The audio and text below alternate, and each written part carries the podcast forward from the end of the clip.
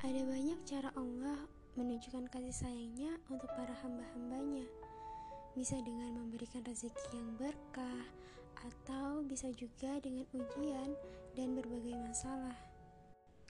Tapi ujian itu hadir untuk kita hadapi, dan masalah itu ada untuk kita selesaikan. Terkadang kita berpikir, mengapa kita harus mendapatkan ujian dan masalah-masalah? Sebab Allah ingin kita menjadi hambanya yang kuat, hambanya yang lebih sabar dan juga mulia. Tapi sering kali manusia tidak memahami kasih sayang Allah. Manusia sering mengeluh dan menyalahkan takdir yang terjadi kepadanya.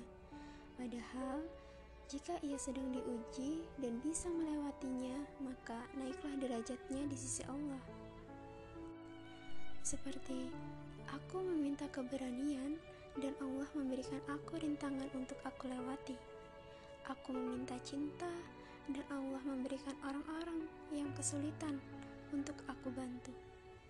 Aku meminta pertolongan dan Allah memberi aku kesempatan. Aku tidak menerima yang aku inginkan, tapi aku mendapatkan apa yang aku butuhkan dan aku tidak menerima yang baik bagiku, tapi aku mendapatkan apa yang terbaik untukku. Kadang manusia tidak memahami bentuk kasih sayang itu. Ketika Allah memberinya rezeki, dianggap itu sebagai pemuliaan dirinya.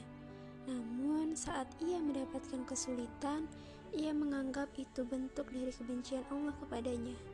Padahal anggapan itu tidaklah benar sebab kasih sayang dari Allah menyertai seluruh makhluknya sesuai dengan kehendaknya.